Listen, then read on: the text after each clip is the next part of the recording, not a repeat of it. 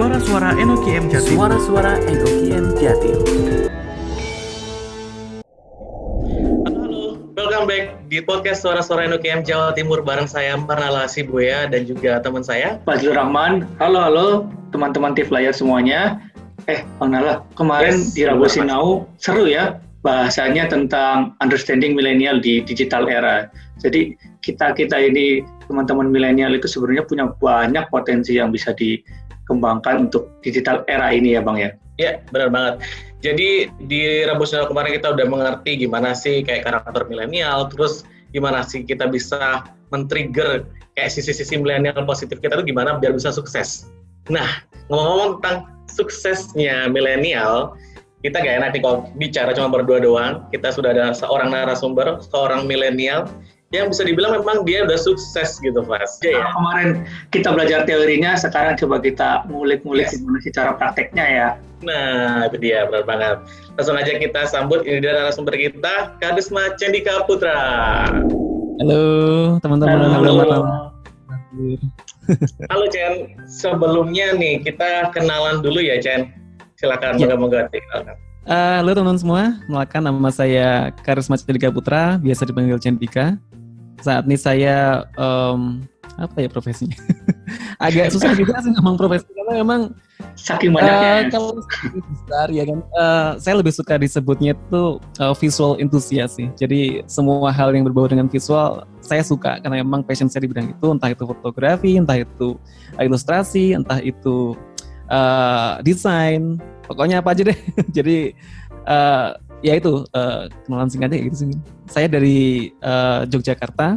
Dulu sempat Oke. masa kecil saya saya spend di Jawa Timur bareng Marnala juga ini Iya, karena orang tua di sana dan semenjak kuliah sampai sekarang stay di di Jawa Timur. Eh sorry di Yogyakarta. Jogja.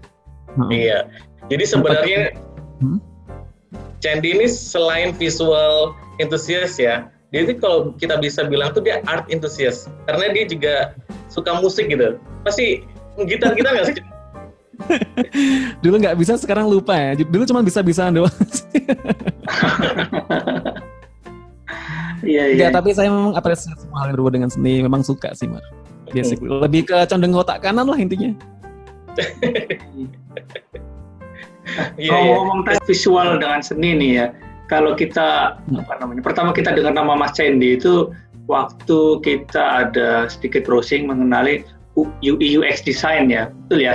Ya Bang Nala ya. Mas, eh, Mas Cendi ya. Nah, yang kita tahu kan Mas Cendi ini sekarang salah satu ini ya senior UI UX designer dari salah satu perusahaan multinasional gitu ya, kerja remote untuk perusahaan itu di Amerika, betul ya Mas Cendi ya?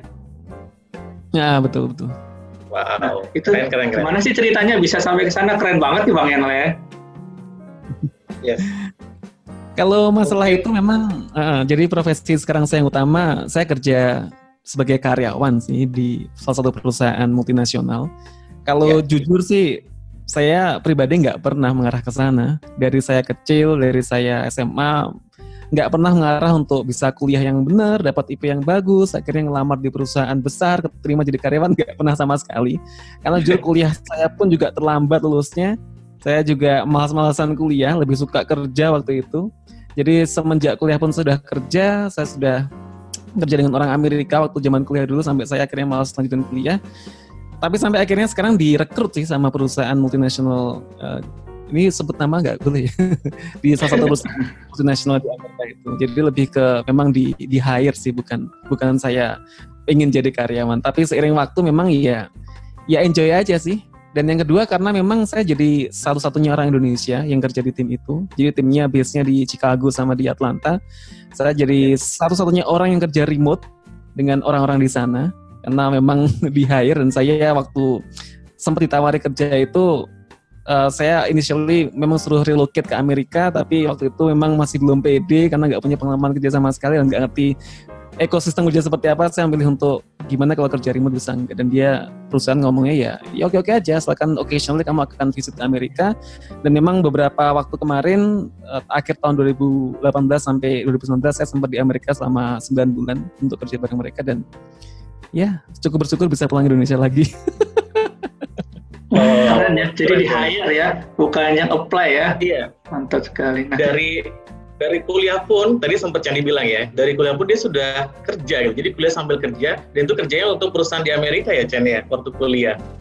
Iya, karena sekarang gampang banget sih. Aku rasa generasi milenial sekarang tuh sangat diuntungkan dengan adanya internet. Kita bisa nembus ruang batas waktu untuk ya berkomunikasi dengan orang dari berbagai macam negara, termasuk kita sebagai orang Indonesia yang uh, di negara berkembang ini cukup diuntungkan dengan con conversion rate dari dolar ke rupiah. Kayak, kayak, iya bisa dibilang itu kayak stepping stone-nya Candi akhirnya bisa direkrut lah ya sama perusahaan multinasional di Amerika yang sekarang gitu. Nah, iya iya. Ngomong-ngomong direkrut tadi ini berarti kan uh, eh, UX desainnya ini skillnya Mas Cendi ini diakuin ya karena langsung di hire hmm. yang yang cari perusahaannya. Nah, gimana sih caranya nih bisa teman-teman kita misalnya yang mau jadi UX designer itu cara mulainya terus scale up-nya sampai jadi expert dan bisa jadi apa namanya uh, menarik perhatian dari perusahaan multinasional seperti itu sih. Ya, hmm, uh, sebenarnya kalau kita ngomongin tentang UI UX design aku yakin juga banyak teman-teman milenial yang mendalami bidang ini karena sekarang produk digital kan cukup booming ya di era sekarang ini. Apalagi beberapa perusahaan terbesar di Indonesia pun adalah seorang sebuah perusahaan digital. Uh, kayak Dekakorn kayak uh, salah satu perusahaan yang gede, terus kemudian beberapa startup yang memang cukup menggiurkan bagi para teman-teman yang ingin mencari lapangan kerja dengan gaji yang enak ya kan dan juga life uh, work life yang juga cukup nyaman sepertinya untuk ngebangin karir. Dan itu sangat berbeda mas dengan beberapa yang terjadi uh, beberapa tahun lalu ketika saya baru mulai awal UI UX belajar dulu ketika zaman awal kuliah. Waktu itu sih uh, memang secara nggak sengaja ya dari yang awalnya memang hobi desain, hobi ilustrasi, hobi yang berhubungan dengan desain grafis, kemudian merambah ke UI UX, dan memang ada kebutuhan di sana, cuman nggak segi se-booming seperti sekarang. Dan aku lihatnya memang zaman dulu ya dari segi keilmuannya juga karena UI juga masih baru ya. Dulu kan uh, um, orang-orang masih fokusnya ke bidang yang lebih ke industrial kan lebih ke engineering uh, uh, centric kan banyak perusahaan. Dan uh, UI menjadi jadi booming sekarang karena banyaknya produk digital banyak perusahaan yang menganut kayak design thinking macam-macam. Dan cara belajarnya memang beda sih. Kalau dulu saya jujur memang hanya sekedar ngulik terus belajar sendiri terus berasumsi sendiri gitu kan bikin-bikin desain, bikin-bikin aplikasi ya ya akhirnya bisa sampai sekarang ini. Mungkin kalau teman-teman yang sekarang pingin terjun di dunia profesional uh, berkarir secara profesional mungkin butuh banyak belajar sih karena teori UX memang memang banyak banget. Tapi kalau mau cerita uh, dulu waktu awal saya kuliah terus kemudian sampai akhirnya diterima kerja itu memang kebetulan sih mas jadi lebih ke arah beruntung sih banyak banyak keberuntungan banyak keberuntungan dan uh, dari awalnya jalurnya dari yang saya sebagai freelance kerja sebagai seorang freelancer dan waktu zaman freelance zaman kuliah kan uh, kita sebagai seorang freelancer ya orang yang kerja lepas itu kan memang dibayarnya dari hasil kerja kita kan maksudnya kalau kita kerja banyak per project gitu ya, ya? Nah, per project benar per project gitu kan uh. karena memang suka kerja seperti itu nggak suka yang kerja uh, 9 to 5 kan karena memang zaman kuliah juga awalnya dari yang cuma nyambi doang sampai akhirnya benar-benar fokus di sana dan itu memang kecepatan kerja itu jadi jadi faktor utama juga sih karena udah terbiasa juga kan mengerjain sesuatu mm -hmm. karena memang bidang UX ini bidang yang gampang sih Mar uh, dan Mas Faustur jadi mm -hmm. uh, kan hanya tinggal proses belajarnya itu kan hanya tinggal visual experience kan kita menambah referensi visual kita untuk menambah perspektif kita akan hal yang bagus, hal yang UI yang bagus seperti apa kita tinggal mengamati aja, memposisikan diri kita sebagai seorang user. Mhm. Ya dari situ aja banyak. Okay. Jujur uh, mungkin apa juga ngerti ya zaman saya SMA dulu saya orangnya malas banget. Maksudnya sekolah aja masuk kelas jarang, saya lebih suka untuk berorganisasi karena waktu itu saya emang jadi ketua OSIS kan, jadi lebih suka uh, lebih banyak waktunya di ruang rapat sama di kantor OSIS daripada di dalam kelas. Saya emang orangnya nggak begitu suka baca kan, nggak suka belajar, lebih tapi lebih suka mengamati, lebih suka observe dan akhirnya ya itu bidang UI UX jadi bidang desain jadi bidang yang saya saya tekuni banget gitu kan. Dan kemudian dari situ uh, uh, dari situ kemudian saya diterima apa di uh, dipekerjakan sama orang Amerika secara freelance. Saya punya banyak klien ikut-ikut kontes dan sebagainya sampai akhir tahun 2016 kemarin ada satu platform uh, crowdsourcing yang cukup terkenal juga. Dia mengadakan semacam lomba, lomba desain di Indonesia. Yang hadiah utamanya itu memperebutkan untuk dapat tiket untuk lomba finalnya di Washington DC. Nah waktu Wow. itu aku ikut iseng-iseng dengan berbagai macam pengalamanku yang aku mungkin startnya lebih awal dibanding teman-teman lainnya. Akhirnya Ya. aku cukup cepat desainnya dan waktu itu memang challenge desainnya adalah kita suruh mendesain uh, sebuah problem dari enterprise. Waktu itu kliennya tentang gimana bikin train dispatcher, control center buat kereta waktu itu. Cukup industrial problemnya dan waktu itu karena terbiasa desain akhirnya aku ya cepat desainnya bisa selesai tepat waktu dan akhirnya menang untuk tiket ikut lomba finalnya di Washington DC di Amerika. Dan waktu itu pertama kali aku ikut pengalaman ikut lomba desain secara internasional juga dengan lawan dari berbagai macam negara. Ya karena aku nggak punya beban ya waktu itu pengen is- bisa berangkat ke Amerika udah seneng banget waktu itu bisa jalan-jalan gratis kan saya lomba 2016 ya Chen ya? 2016 waktu itu lombanya tahun 2016 nah 2016 akhir uh, winter di Amerika waktu itu seneng Oke. banget dan gak ada beban dan kebetulan waktu itu juga problemnya simple dari kliennya dan waktu itu aku desainnya lebih ke play around karena nggak ada beban jadi sedikit gambaran kontes desain yang aku ikuti itu adalah sebuah kontes final dari lomba yang mereka adain secara setahun jadi sebuah crowdsourcing crowd- crowdsourcing platformnya itu secara setahun dia tuh ngeranking membernya nih. Jadi 10 besarnya online akan dikompetisikan secara langsung di Amerika setiap tahunnya. Nah, cuman di tahun itu dia punya dua wild card untuk orang di Indonesia yang ikut kontes regional dan langsung berangkat untuk untuk ikut melawan bareng top 10 finalisnya di Amerika itu. Nah, akhirnya aku salah satunya karena aku cuman sebagai seorang wild card kan, nggak punya beban, Iya. jadi dia suka gue doang ya kan, cuman play around akhirnya ya kita Iya. aku bikin approach desain yang cukup wild nih cukup gila maksudnya cukup di luar di luar out of the box. Karena aku mikirnya ah iseng-iseng lah bikin yang aneh sekalian gitu kan. Cuma dari Hmm. situ malah kliennya impress banget sama desainnya.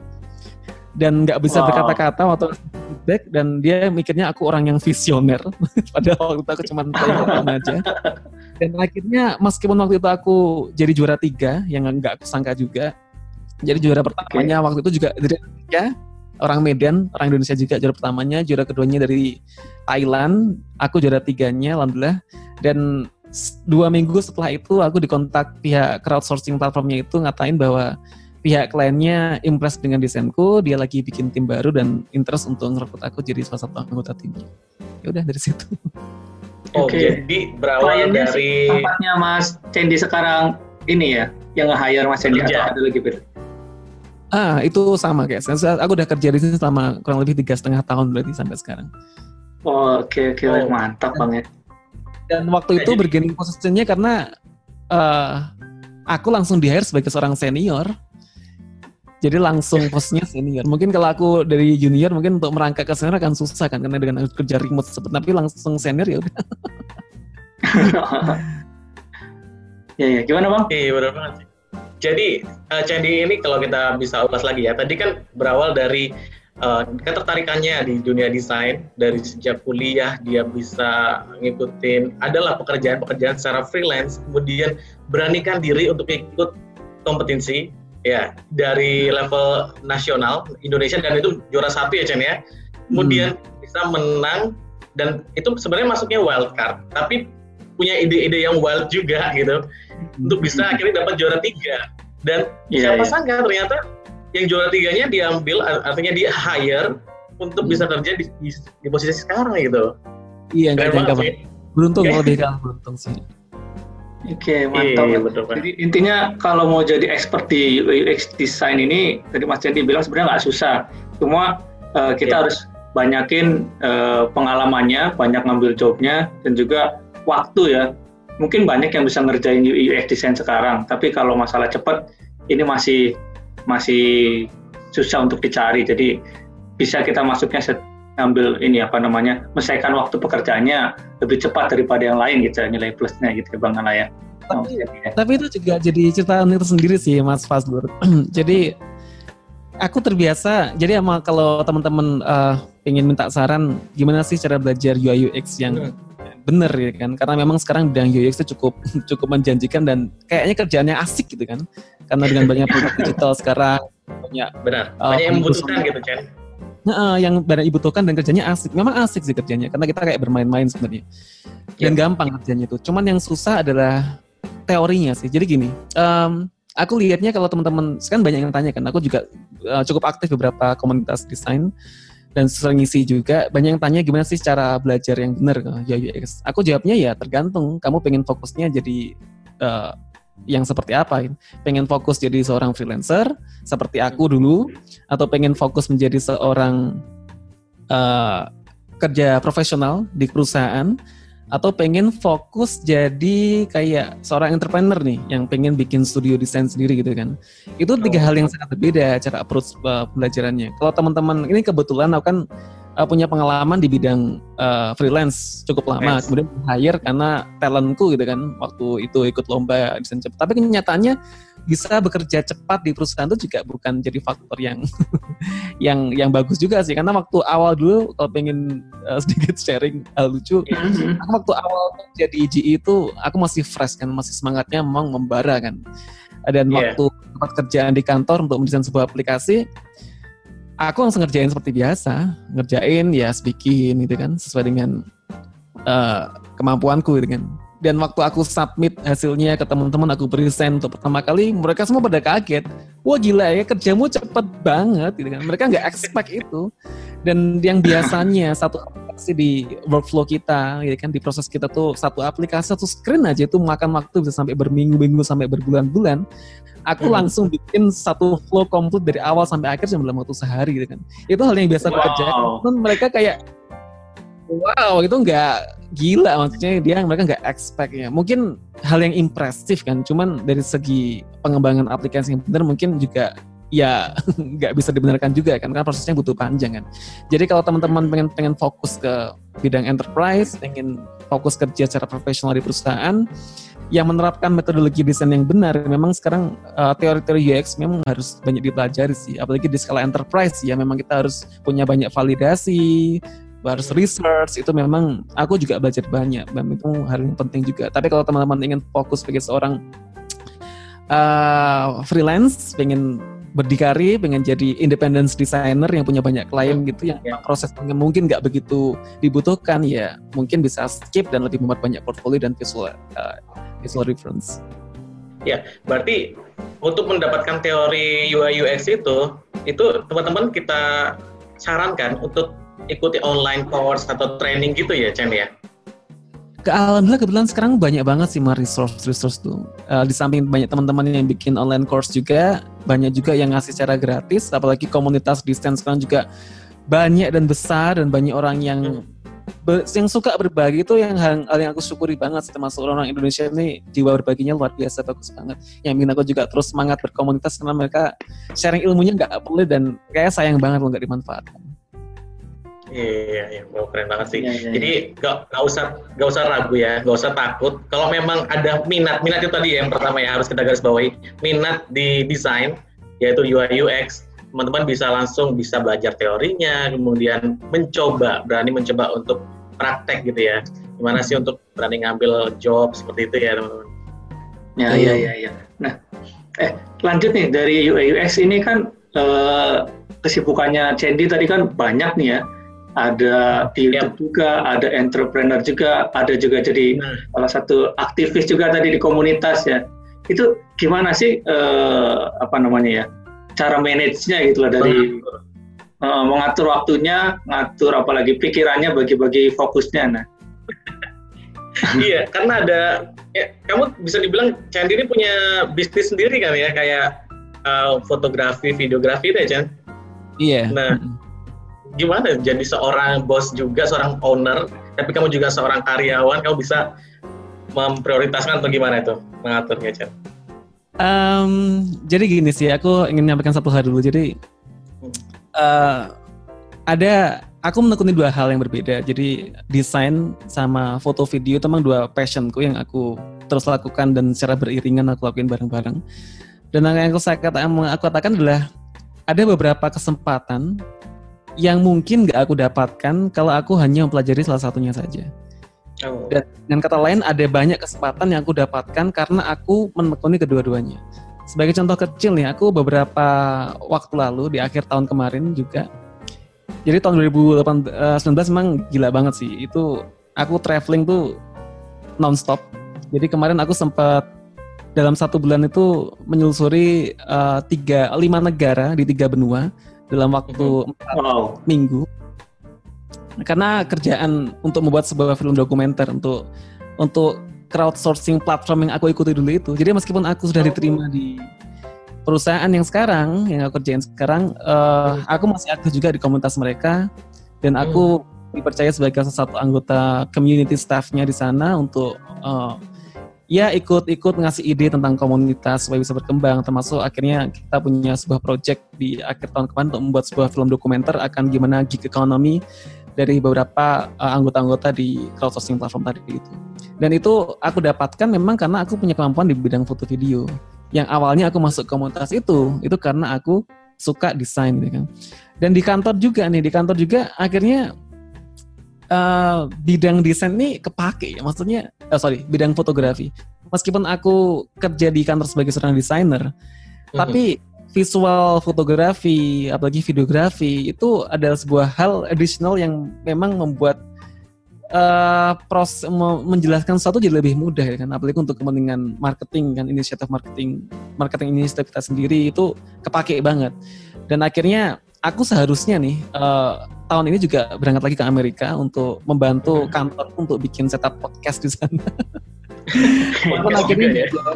ini. Dan memang ya itu termasuk salah satu faktor yang membuat aku punya sebuah apa ya sebuah value ya di di kantorku. Jadi ini juga cerita lagi bahwa sekarang di masa yang sulit di perusahaan memang dan beberapa perusahaan juga udah banyak ada layoff kan. Iya, dan iya. aku termasuk kita sebagai seorang karyawan kan takut banget kan namanya kena PHK gitu kan. Dan akhirnya untuk menentukan siapa yang di PHK urusan kan juga pasti akan berat kan. Dan surprisingly memang di timku yang sekarang ini aku gabung di tim enterprise tim di kantor yang tugasnya untuk bikin bikin desain sistem. Lebih ke arah untuk bikin pattern di perusahaan tuh sih. Timnya kecil cuma terdiri dari empat orang. Dan kita semua kerja maksudnya semua produktif juga dan ketika ada kabar layoff ada satu orang di tim kita yang harus diberhentikan kerja tuh cukup deg-degan juga. Aduh siapa ya? Eh, akhirnya eh, temanku yang kena akhirnya eh, harus mendapatkan layoff itu. Walaupun dia kontribusinya juga luar biasa di perusahaan tapi akhirnya kena layoff juga. Dan ternyata memang nggak ada pekerjaan yang secure kan. Dan aku sendiri juga merasa memang ya kadang kita sebagai orang kan susah kan eh, kalau kita sebagai karyawan untuk tidak menjadi yes man. Maksudnya kadang kita harus strict dari apa yang tugas job Ya. desk yang kita punya untuk dilakukan. Tapi di sisi lain juga kita harus punya empati ke perusahaan. Kita harus punya kita harus sebagai orang yang juga penuh dengan inisiatif gitu kan. Dan beberapa inisiasiku di kantor bikin-bikin video bikin-bikin sesi foto itu juga membuat aku juga punya nilai tambah. Karena beberapa video yang aku bikin di perusahaan ketika aku visit ke sana kemarin atas inisiatifku pribadi akhirnya dikirim kantor untuk ikut lomba dan akhirnya kita juga juara di lomba-lomba tentang UX itu mewakili tim kita. Jadi ada value sendiri nih di dari apa yang aku kemampuan yang aku bisa dan aku aku sumbangkan nggak aku sumbangkan ya. Jadi aku aku terapkan di perusahaan akhirnya jadi nilai tambah diriku sendiri di, di perusahaan itu kita dibahas apa sih? Akhirnya bahas ini. Aku lupa. Kita juga belum dengar cerita itu juga. Enggak, jadi kita tadi nanya gimana sih kamu bisa mengatur selain kamu juga seorang karyawan, kamu juga Oh, owner gitu. ngatur waktu yang jadi ngatur waktunya emang susah. Jadi eh, nggak susah. Maksudnya orang lihatnya mungkin kayak wah kayak sibuk banget ya. Maksudnya udah kerja full time terus Yes, kemudian punya usaha foto video terus kemudian jadi sedikit gambaran kesibukan yang aku punya sekarang itu aku kerja di kantor di di, eh, di kantorku yang sekarang ini secara full time kan Mm-mm. sebagai senior. Dan eh, untungnya sih untungnya beruntungnya kita cukup independen jadi eh, statusnya kita kan sebagai senior sudah lead ya jadi maksudnya udah udah punya responsible Ya, sendiri dan ngerti harus tanpa harus dikejar-kejar manajer karena kita eh, ownership-nya udah udah udah lumayan. Terus yang berikutnya aku kerja juga nge-manage eh, sebagai foundernya tim Overloops. Terus yang eh, itu adalah bisnis foto video yang aku jalankan. Dan yang berikutnya di Top Coder juga sebagai anggota komunitas yang aktif. Dan aku juga eh, aktif untuk bikin-bikin konten di YouTube. Terus bikin konten traveling sama istri juga. Terus yang berikutnya yang terakhir, aku juga pengen tetap ya meskipun kita kerja juga ada having fun, harus ada hobinya. Aku suka gaming juga dan sekarang lagi ngedalami sim racing balapan. Balapan. Balapan. Kebetulan kemarin dikado sama istri di ulang tahun ini dikado Eh. steering wheel lagi eh, fokus di sana juga karena sebagian sih sebagai pembenaran udah umurnya udah tua gini kalau main game biasa pakai joystick ya masih kelihatan anak kecil kan lebih cari yang lebih kayak kelihatan dewasa gitu. Dan memang anu dari satu dari banyak kesibukan tadi aku tuh tipe orangnya yang yang memang nggak bisa nggak bisa nggak bisa nggak apa ya suka untuk produktif gitu loh.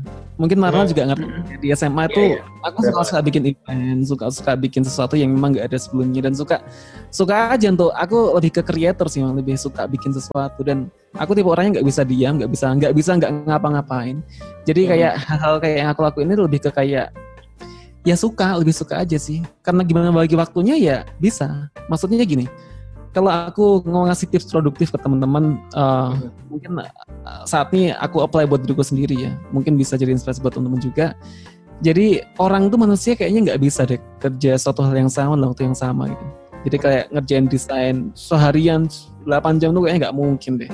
Nggak ada orang yang bisa konsentrasi se- sepanjang itu. Dan untuk orang-orang yang kerja di rumah kayak aku ini itu kan bosen ya maksudnya environmentnya kan kita nggak punya work workplace environment. Mungkin kalau aku kerja di kantor di sama teman-teman mungkin banyak selingan banyak hal-hal yang mungkin aku dapatkan dari uh, workspace uh, tadi environment kerja yang yang mendukung punya teman-teman. Cuman di kerja di rumah gini memang susah. Dan uh, akhirnya aku lebih suka untuk ngerjain banyak hal sekaligus sebagai selingan sih. Jadi kayak mungkin satu jam ngerjain desain, kemudian shift uh, pindah ke ngerjain fotografi, pindah. Aku suka suka banyak komputer yang punya banyak komputer nih, yang semuanya nyala dalam satu waktu. Dan aku lebih suka ngerjain beberapa lama. Wah udah, udah agak bosen nih, aku pindah posisi, aku berdiri sama Oh. ngerjain desain. Udah Keren ya, kayak di jalan film itu. gitu Jadi ya, multitasking ada beberapa komputer nyala gitu. biar biar nggak bosen aja sih nggak bosen dan aku ngerasa juga itu bikin hari jadi kayak yang ngerasa nggak boring lebih kayak gitu sih. Dan syukur juga em, di kerjaan yang sekarang memang aku tinggal berdua sama istri baru berdua. Dan memang eh, kebetulan juga punya partner hidup yang juga satu satu hobi Iya. Iya. passion. Jadi akhirnya saling dukung aja jadi asik aja. Bisa karena memang kita enjoy ngerjainnya. Dan kalau kita ngerjain kita banyak hal sekaligus bersamaan uh, punya banyak kerjaan tapi kalau kita enjoy ngejalaninnya kita suka ya ya nggak terasa kayak kerja juga sih kuncinya sih Betul. itu Iya, iya. yang bisa di highlight dari Candy tadi itu. Jadi kita meskipun punya suatu kesibukan, carilah kesibukan lain atau selingan di mana kita bisa membuat itu jadi enjoy menjalaninya ya kan. Iya. Jadi kita bisa produktif dan hari kita tuh nggak kebuang sia-sia gitu. Mm. Seperti Candy nih, ada YouTube, iya keren banget YouTube-nya ada lebih dari satu juta view. Subscribernya juga lima kali lebih. Terus bisnis juga iya jalan. Kemudian eh, kerja sebagai full timer juga. Dan selain itu juga, Candy juga sering bikin kayak eh, sharing-sharing ya. Aku pernah lihat di Facebook atau di sosial media lain kayak Candy juga se- sebagai speaker, kemudian di aktivis di sebuah grup di Facebook ya, ya Chan ya. Kayak kemarin juga sempat ada uh, bikin sharing session atau live di, di Facebook live gimana jadi uh, karir di UI UX itu tuh keren banget sih. Iya nih, ke- keren banget apa namanya tadi dengan segala banyak kesibukannya. Tadi intinya tipsnya dari Mas Chen itu kita pilih kegiatan yang enjoy gitu ya Bang ya. Kalau kita enjoy sebanyak apa pun pekerjaannya pasti hasilnya jadi maksimal gitu ya. Yes. Bener. Ngomong- dan aku rasa eh, yang yang susah sekarang ini hal yang klise ya tapi memang penting banget. Jadi untuk teman-teman yang memang masih baru meraba-raba kerjaan atau mencari satu itu cari yang cari temukanlah passion kalian itu kan. Itu itu penting banget sih aku rasa. Jadi kalau teman-teman memang ngerjain sesuatu dengan passion itu kayaknya akan maksimal. Nah, ngapa-ngapain akan maksimal karena nggak terasa kerja. Apalagi teman-teman yang memang sudah kerja sesuatu ya temukan passion di situ jadi eh, aku lihatnya memang kadang aku gini kayak kalau ngerjain sesuatu kalau aku udah ngerasa aku udah mulai nggak nggak semangat nih aku harus kembali ke niat awalku apa sih? Apa aku harus mencari sesuatu yang bikin aku semangat kerjaan ini. Ini hal yang memang agak gimana susah cuman penting untuk untuk ngerjain sesuatu kita harus harus senang dulu gitu dan untuk mencari sebuah kesenangan akan sebuah kerjaan tuh juga banyak bisa dicari. Salah kita harus ngerasa uh, memotivasi diri kita untuk bisa ngerjain lebih baik lagi. Jadi benchmark itu bukan juga dari diri kita sendiri. Kita harus ngerjain sesuatu yang lebih baik lagi untuk bisa lebih semangat atau kita motivasinya untuk memberikan manfaat ke orang lain atau motivasinya untuk apa jadi banyak banyak motivasi dan itu itu penting banget untuk mencari sebuah sebuah kesenangan dalam apa yang kita kerjakan kalau kita bisa ini ya selama perjalanan karir yang super sibuk ini Candi hmm. apa sih tantangan terberat yang pernah Candi alamin terus gimana tuh Candi bisa overcome gitu dari tantangan itu um, uh, susah sih apa ya tantangannya jadi yang aku rasa sekarang ini apalagi di bidang ke setiap kesibukan punya tantangan sendiri-sendiri sih. Kita mulai dari uh, kerjaan sebagai seorang profesional dulu ya di uh, yeah. uh, sebagai seorang freelancer yang masuk ke dunia kerja profesional tantangan utamaku waktu kerja itu untuk tidak menjadi yes man sih. Jadi susah susah. Karena memang aku punya empati di perusahaan dan memang uh, aku juga kadang agak heran dengan etos kerja. Mungkin etos kerja orang sana atau etos kerja orang secara umum mau nggak? Karena aku juga nggak punya pengalaman kerja selain di sini. Untuk tidak menjadi yes man itu aku susah karena memang aku bisa ngelakuin itu. Dan karena ketika aku tidak mengatakan tidak nggak mengatakan iya kenapa?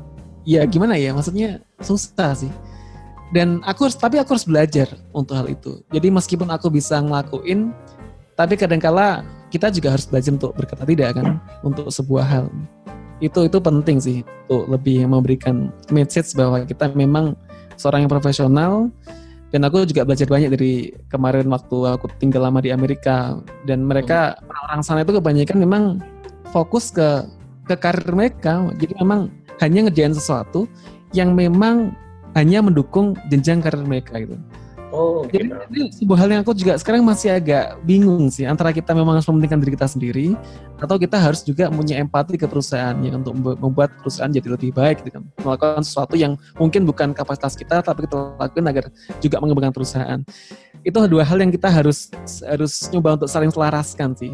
Kadang kita Benar. berusaha tetap strict ke untuk menjadi profesional sesuai dengan job desk dan belajar kata untuk tidak tapi kadang-kala kita juga harus punya memberikan value kan ke perusahaan. Apalagi kita ngerjain sesuatu juga ketika kita merasa diri kita bermanfaat untuk orang lain bermanfaat untuk perusahaan kita kan juga seneng akan ngerjainnya kan. Jadi itu hal yang masih jadi tantangan sih untuk bisa tetap melimit kerjaanku. Meskipun nggak doing it minimum tapi juga bisa memberikan sesuatu yang berkontribusi bagus ke perusahaan. Terus yang kedua ke untuk kerja di bidang uh, entrepreneur ya sebagai owner di uh, perusahaan foto video. Aku juga punya tim sekarang anggota timku total kita ada 10 orang yang sekarang kerja remote semua karena oh. working from home. Tantangannya yes. pertama ya kondisi kayak gini ya. Maksudnya aku tuh di perusahaanku yang sekarang di Overlook ini memang uh, gimana ya? Susah sih. Apalagi di persaingan sekarang kan di bidang yang kreatif gini orang punya kamera tuh ngerasa udah bisa motret udah bisa kerja udah bisa buka jasa gitu kan. Itu persaingannya memang banyak banget dan tantangan kita untuk bisa menang di pasar dengan banyaknya persaingan orang jual murah itu memang susah. Yang artinya dari market sekarang juga susah kan. Tapi nggak tahu kenapa maksudnya kalau kita niatnya di awal memang membuka lapangan pekerjaan jadi seneng aja sih kayak bisa dulu kan jadi gini um, aku dulu termasuk orang yang kayaknya ragu banget kan untuk menerima karyawan karena aku takut gak bisa gaji mereka kan takutnya nanti makan apa kan. kalau nggak ada proyek gimana kan dan hmm. lebih suka untuk nabung untuk membeli sesuatu yang sesuai dengan keinginanku gitu kan tapi kalau kayak sekarang ini kayak beda sih bahagianya kalau kita bisa akhirnya menciptakan lapangan kerja, membuat orang-orang bisa ikut kerja bareng kita, kita berkarya bareng-bareng itu rasa bahagianya itu beda sama kita punya sebuah barang gitu kan. Jadi investment di bidang human resource kayak kita bisa uh, punya temen ya kan aku dalam rangka juga nyari temen sih awalnya itu bikin upload itu kan karena kerja di rumah sendiri kalau punya banyak tim ya kan tim yang kita kerja bareng-bareng tuh jadinya asik kan. Dan memang alhamdulillah nggak tahu kenapa mesti di saat-saat ketika aku ngerasa kayak duh nggak ada nambah karyawan nggak nih? Sampai istri juga bingung ntar kalau nggak dapat rezeki gimana? Gajinya pakai apa? Gitu kan. Udah bismillah aja lah maksudnya kita optimis saja kita nerima karyawan tetepan Jadi waktu itu ada yang keluar dari perusahaan dari kantor dan aku ngerasa enaknya ngahir lagi apa enggak nih? Untuk cari gantinya. Tapi aku uh, sama istri akhirnya kekeh untuk udah kita cari ganti meskipun kita nggak tahu besok ngerjain apa. Tapi akhirnya ya ada aja sih pekerjaan yang masuk dan itu memang misteri ya namanya rezeki itu misteri dan kalau kita niatkan untuk membantu untuk membuat lapangan kerjaan ya akhirnya kayak ada aja yang dipermudah. Nah, Chen, selain kamu kerjanya di profesional, apakah itu kamu seorang owner atau kamu sebagai karyawan, kamu itu ternyata seperti yang aku bilang tadi ya, Candy itu seorang aktivis di UI UX. Jadi dia tuh uh, seorang yang cukup aktif lah dalam komunitas ya UI UX dan dia kayak lebih ke sharing terus gimana cara dia bikin se sebuah seminar sharing session kayak gitu. Itu yang jadi motivasi Candy itu apa sih untuk ngambil ekstrakurikuler ini? Selain memang punya empati itu tadi ya. Um, aku lebih anu sih kayak seneng aja untuk untuk bisa berkomunikasi sama orang dapat inspirasi. Karena bagiku kayak sekarang kita ngobrol bareng-bareng gini ya, aku juga dapat banyak inspirasi dari kalian juga gitu kan. Hmm. Dan itu sebagai makhluk sosial ya hal yang wajar sih. Terus kemarin juga aku iseng-iseng hmm. nih aku di kesibukan yang sekarang ini aku juga kadang juga bingung atur waktunya meskipun aku enjoy ngerjain tapi kadang waktu juga sangat terbatas aku nekat aja bikin semacam English Club nih untuk desainer oh, jadi iya, aku bikin wow iya aku siapa yang pengen belajar bareng bahasa Inggris ya kan?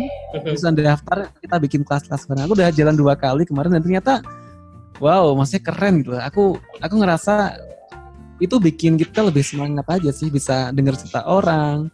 Apalagi kita bisa ngomong suatu orang juga bisa dapat manfaatnya. Ya bikin lebih hidup aja sih. Kadang aku juga ngerasa kembali sih maksudnya seiring waktu ya kita semakin semakin berumur ini kadang prioritas kita juga harus harus berbeda sih. Kadang kita juga harus hmm. penting untuk bisa berkontribusi ke sosial ke teman-teman. Itu membuat kita jadi lebih kesenangannya udah shifting lah aku bilang gitu. Jadi ini hal yang memang ada kepuasan tersendiri ya? Iya benar benar. Selain itu juga sih. bisa menambah teman juga menambah wawasan dan itu tadi joy itu tadi ya. Nah, dan aku sukanya gini, jadi karena WFH ini, aku tipe orang yang introvert ya kalau jujur. Maksudnya ada unsur introvert dalam diriku yang memang aku lebih suka tuh ngerjain sendiri, lebih suka fokus gitu kan.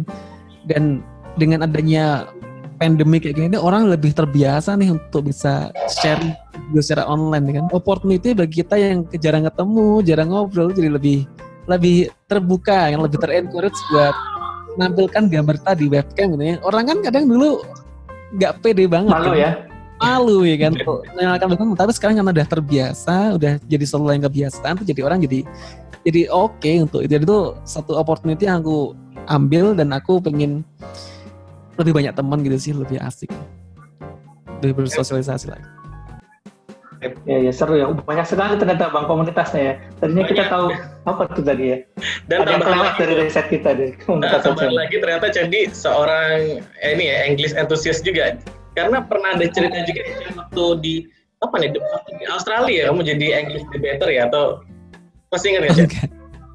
Iya, jadi uh, English juga penting banget teman-teman. Uh. Jadi itu hal yang wajib sih sekarang ini. Jangan malas untuk belajar bahasa Inggris. Hmm. Satunya yang bikin kita semangat tuh jangan malu ngomong. Dan hmm. tujuanku bikin English Club juga bikin teman-teman yang nggak punya wadah buat memberanikan bisa sendiri buat ngomong juga lebih rajin ngomong lagi.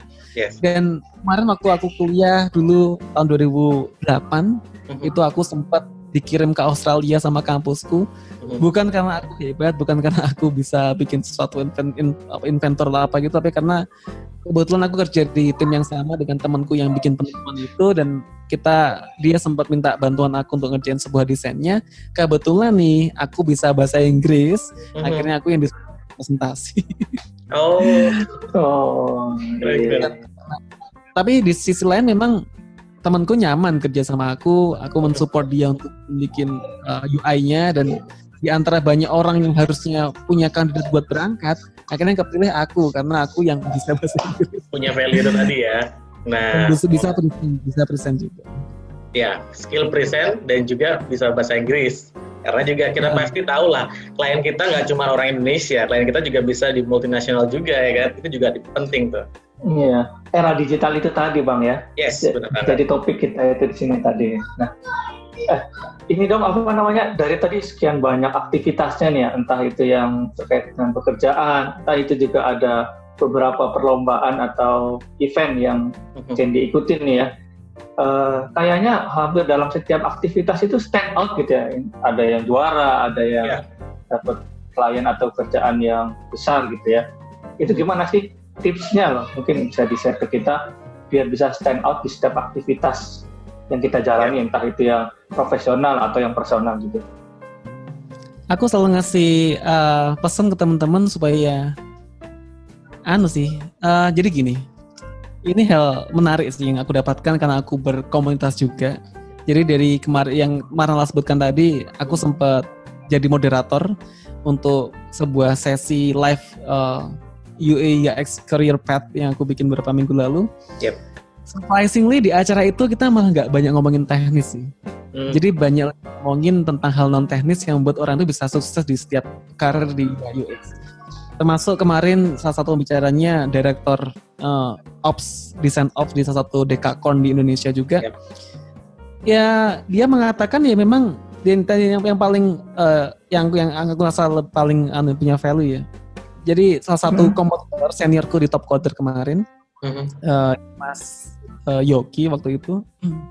dia ngomong bahwa kita bisa mandang teman-teman itu sukses ya kayak uh, Bang Boris yang direktur desain ops itu, terus yeah. kemudian ada si Tiko, owner studio desain di Jogja yang top 3 dribble global gitu kan.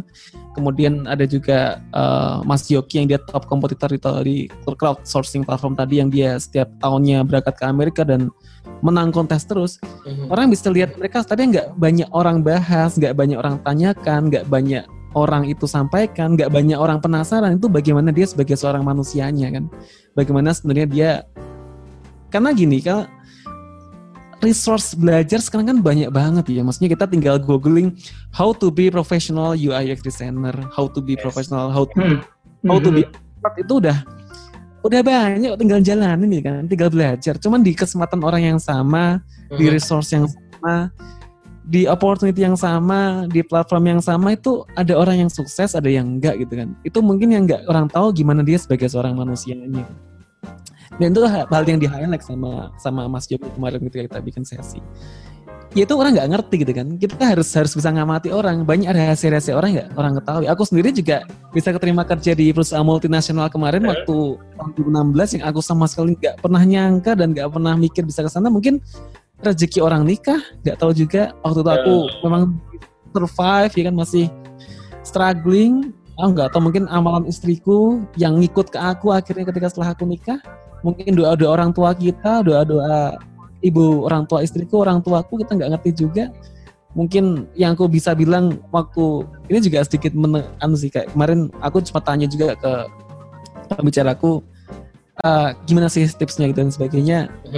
Uh, jadi untuk orang sekali ber uh, design ops director yang punya yang juga Google expert gitu kan. Yeah. kenapa kok dia mm-hmm. Tidak memanfaatkan kemampuannya untuk bisa lebih mandiri kan. Banyak orang kan pengennya nggak kerja di kantor terus kan? Dia pengen bikin perusahaan sendiri jadi kaya dari situ kan? Dia lebih suka untuk karena dia ketika ngerjain sesuatu dia akan fokus nih ke sebuah bidang yang dia kerjain gitu. Dia nggak suka untuk membagi fokusnya karena dia khawatir ketika dia nanti kerja sesuatu terbagi waktunya dia akan juga fokus ngerjain dua hal dan itu semuanya dia akan fokus dan dia nggak punya banyak waktu lagi untuk hal lainnya. Nggak punya banyak waktu buat keluarga nggak punya banyak waktu untuk beribadah nggak punya banyak waktu untuk hal yang sosial. Itu sebuah pilihan hidup yang memang nggak kadang banyak orang nggak ngerti di luar itu tuh apa sih kesibukan mereka yang akhirnya bisa mempermudah jalan dia gitu kan. Dan yang berikutnya yang aku pegang sampai sekarang adalah gimana aku bisa memberikan manfaat sih. Jadi kesenangan tersendiri kalau lebih dari materi ketika kita merasa hal yang kita lakuin itu bermanfaat buat orang lain. Termasuk yang utama kita suka berinisiatif. Ketika kita, aku ya aku ngerasa waktu dulu ketika aku diterima kerja di perusahaan yang aku habis ikut lomba itu, hmm. hal lain yang mungkin dipandang sama pihak crowdsourcingnya yang pertama sampai akhirnya aku dapat project keliling dunia untuk bikin film, yeah. kemudian di hmm. kliennya sampai aku dipercaya untuk ikut tim mereka karena aku punya inisiatif. Aku orangnya yang penuh dengan inisiatif itu. Ketika aku ngerasa aku bisa ngerjain itu dan aku mampu dan aku ngerasa itu bermanfaat dan aku nggak ada beban bagi aku meskipun orang banyak bilang kamu nggak dibayar aja ngapain kamu aku ini itu aku lakuin Iya iya iya. Dan waktu itu aku bawa kamera, aku nggak disuruh, aku ngerekam-rekam, aku bikin video sesuka aku. Pihak crowdsourcing platformnya sebagai event host waktu itu juga ngomong ke aku, kamu nggak perlu ngelakuin ini, itu bukan tugas kamu. Aku bilangnya, it's okay, I love to do this, gitu kan. Di saat yang lain Aku lagi menikmati suasananya lomba gitu ya, Candy justru Nah, aku- mendokumentasikan gitu ya. Aku mendokumentasikan, aku bikin konten sebagai dokumentasi pribadi sih. Tapi ketika itu aku juga sampaikan kemarin hasil karyaku gitu kan. Perjalanannya gimana kemarin. Mereka excited, antusias banget dan sampai dipakai akhirnya itu akhirnya kan dibayar juga. Oh Cendika aku pengen fair ya, aku pakai karyamu, aku kamu bayar. Wah, aku seneng banget waktu itu. Dan itu gitu motivasinya bukan uang gitu, tapi kita gimana kita bisa uh, mengutilize passion kita, gimana kita bisa memanfaat buat orang lain itu yang jadi dan semuanya ter tertuangkan dalam sebuah inisiatif dari teman-teman. Wow, keren keren keren. Oke, oh. mantap ya bang. Intinya ada dua ya dari tadi uh, Sandy ini tipsnya biar bisa stand out Hmm. untuk di semua aktivitas yang kita jalani, entah itu yang aktivitas profesional ataupun personalnya. Yep. Yang pertama, boleh kita punya banyak aktivitas dan juga tetap harus fokus ke aktivitas yang kita pilih. Mhm. Itu juga jangan lupa pada saat mengerjakan fokusnya itu kita itu masuk sosial gitu bang. Jangan lupa lihat ke sekitar kita bagi waktu juga untuk Yep. aktivitas sosial kita. Nah, yang kedua itu selalu un- untuk apa namanya punya inisiatif untuk selalu bermanfaat ya buat lingkungan ya. Nanti kesempatannya bisa datang sendiri ternyata ke kita ya. Tulus ya. Tadi banyak sekali eh, banyak sekali inisiatif-inisiatif dari Mas Sandy ini yang apa namanya orang-orang nggak expect tapi karena Mas Sandy suka inisiatif tetap, Passionnya. apa namanya tadi bilang passionnya nah ada manfaatnya ternyata di belakang yang eh, datang ke Mas gitu ya Nah, untuk jadi bisa stand out ya daripada teman-teman atau eh, tim di sekitarnya Ya, intinya sih itu ya ketika berniat positif, melakukan hal positif, hasilnya pun akan positif juga. Kalau kita bisa lihat tips-tips tadi dari Candy gitu ya. Nah, ini Chen, eh, kita udah banyak-banyak ngobrol dan karir Candy udah bilang udah sukses lah ya. Ini ah, masih ada nggak sih obsesi yang belum tercapai? Obsesinya Candy yang masih belum tercapai. Terus kalau masih ada itu apa sih plannya untuk bisa ngeraih goal itu? Kalau boleh jujur. Iya. Jadi eh, ri- apa namanya eh, rezeki dari eh, Tuhan, rezeki dari yang kita dapatkan kadang aku dapatkan ini juga nggak pernah aku sangka sebelumnya dan aku sendiri juga nggak pengen jadi orang yang mulu-mulu harus pengen bikin apa bikin itu punya big plan punya road plan dan sebagainya aku lebih suka kadang aku lebih suka dapat surprise dari dari yang di atas aja sih Wow. jadi kadang kalau kita iya kalau kita fokusnya tuh memang memberi manfaat, fokusnya Yes. memang itu ada kok nanti ada kejutan yang kita dapatkan insya Allah. Itu yang aku dan sekarang mungkin fokusku sekarang ya gimana aku bisa fokus untuk di pekerjaanku eh, belajar ya juga belajar terus kemudian bekerja dengan sepenuh hati dan juga sesuai dengan passion. Terus yang di sisi offroadnya aku juga pengen bisa lebih banyak lagi menciptakan lapangan kerjaan. Terus yang utamanya aku juga pengen lebih membahagiakan keluarga, membahagiakan istri dan orang di sekitar itu aja sih. Nanti Amin. akan ada kok yang Amin, amin, amin. Wah, mulia sekali ininya ya Bang. Goalnya itu ya.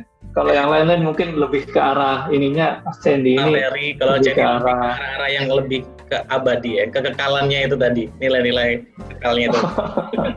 itu ngikut Iya, kok teman-teman Iya, iya. Allah. Ngikut. Oke, Oke, oke, keren, keren. Eh, Gak Oke. kerasa nih Bang ya. Kita Iya. sudah sudah Di cukup lama ini ngobrol-ngobrol sesi- dengan Sandy. benar. Kita udah di akhir sesi, akhir sesi nih ngobrol-ngobrol. Sebenarnya masih ingin lanjut-lanjut lagi. Cuman kita tahu lah kesibukan Candy seperti apa ya. Dan udah kebayang gimana kesibukannya. Jadi Candy ini seorang milenial yang kita bilang ya sudah memang sukses berkarir secara digital di digital era ini hingga bisa menembus pasar persaingan global. Karena kalau kita bisa rewind-rewind lagi ya, Fas ya, di episode Rabu Hmm. yang sebelum-sebelumnya tentang low touch economy, Hmm. sekarang itu kita di pasar untuk shifting ke digital. Nah, dampaknya adalah gimana kita bisa bersaing dengan semua orang dan itu tidak hanya cuma di kota ini bahkan negara ini gitu kan. Cendi sendiri kan bersaing sama Thailand kemudian di orang-orang di Amerika pasti banyak banget. Nah itu dia di itu tadi adalah Cendi seorang yang sukses berkarir dan juga bisa menembus persaingan global. Keren banget sih Oh, keren banget sih bang. Mudah-mudahan kita semua bisa ngambil apa namanya inspirasi daripada obrolan-obrolan kita dengan Mas Endi yang tadi ya. Nah, untuk teman-teman yang penasaran gali lebih dalam nih di uh, info-info menarik, inspirasi-inspirasi dari yep. Mas Endi, bisa cek ke mana nih bang? Iya, jadi ada beberapa sosmednya nih yang teman-teman bisa cek selain IG, IG-nya apa Chen? Karisma, eh Cendika ya, Cendika. Cendika, C N D H I K A Uh, YouTube-nya semua userku C E N D H I K. Semuanya itu ya. Dan juga ada podcast juga ya, baru launching ya. Iya nggak sih? Uh, iya, uh, uh, Potsi, P O D C. Uh, nah, itu namanya. ada di beberapa uh, platform podcast juga. Cuman aku lagi konversi dari video ke audio sekarang beberapa video yang lama-lama dulu. Udah banyak materi-materi baru, cuman belum sempat. Belum upload. Iya iya iya. Oke, thank you banget Candy buat waktunya, buat kisah inspiratifnya. Semoga ini semua bermanfaat buat kita semua, terlebih buat teman-teman yang amin, amin. dengerin podcast kita hari ini ya, Pas ya. Makasih untuk waktunya, senang bisa ngobrol bareng. Siap, sama-sama. Ya, makasih Mas Candy. Makasih juga teman-teman T-Flyers dan juga para pendengar semuanya. Itu tadi episode kita kali ini untuk podcast suara-suara NOKM Jawa Timur. Sampai ketemu lagi di episode selanjutnya. Dah. Bye-bye. Bye. -bye. Bye.